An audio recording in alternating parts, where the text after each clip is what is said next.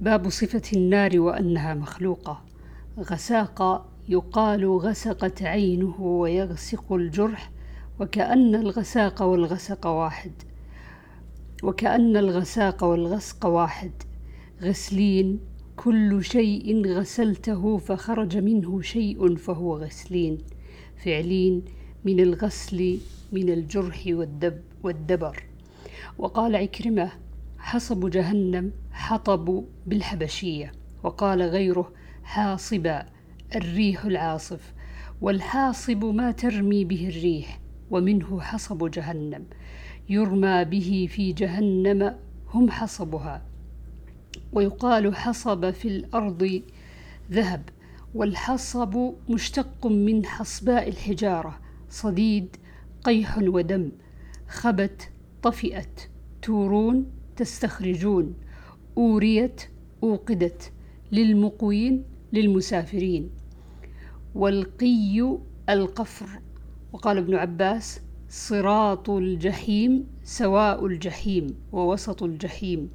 لشوبا من حميم يخلط طعامهم ويساط بالحميم. اللهم نعوذ بك من ذلك. زفير وشهيق صوت شديد وصوت ضعيف. ورد عطاشا غيا خسرانا وقال مجاهد يسجرون توقد بهم, بهم النار ونحاس الصفر يصب على رؤوسهم. يقال ذوقوا باشروا وجربوا وليس هذا من ذوق الفم. مارج خالص من النار. مرج الأمير رعيته إذا خلاهم يعدو بعضهم على بعض. مريج ملتبس. مرج أمر الناس اختلط. مرج البحرين مرجت دابة مرجت دابتك مرجت دابتك تركتها. عن أبي ذر رضي الله عنه قال كان النبي صلى الله عليه وسلم في سفر فقال أبرد. ثم قال أبرد. حتى فاء الفيء يعني للتلول. ثم قال أبردوا بالصلاة. فإن شدة الحر من فيه جهنم. عن أبي سعيد رضي الله عنه قال قال النبي صلى الله عليه وسلم أبردوا بالصلاة فإن شدة الحر من فيه جهنم.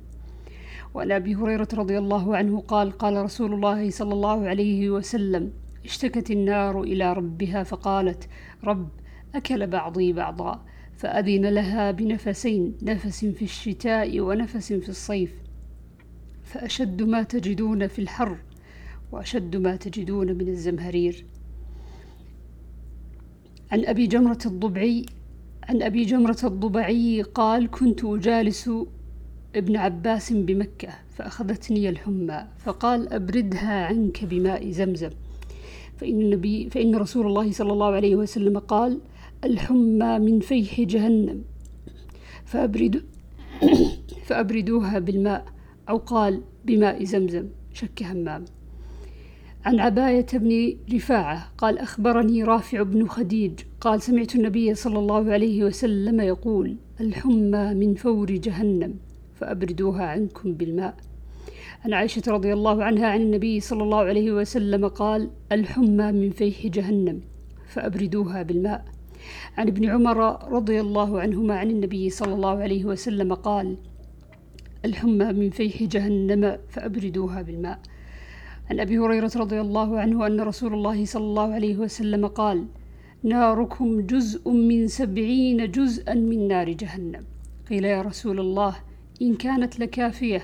قال فضلت عليهن بتسعة وستين جزءا كلهن مثل حرها. اللهم إنا نعوذ بك. عن صفوان بن يعلى عن أبيه أنه سمع النبي صلى الله عليه وسلم يقرأ على المنبر ونادوا يا مالك. عن أبي وائل قال قيل لأسامة لو أتيت فلانا فكلمته. قال إنكم لترون أني لا أكلمه إلا أسمعكم. إني أكلمه في السر دون أن أفتح بابا لا أكون أول من فتحه ولا أقول لرجل أن كان علي أميرا إنه خير الناس بعد شيء سمعته من رسول الله صلى الله عليه وسلم. قالوا وما سمعته؟ يقول.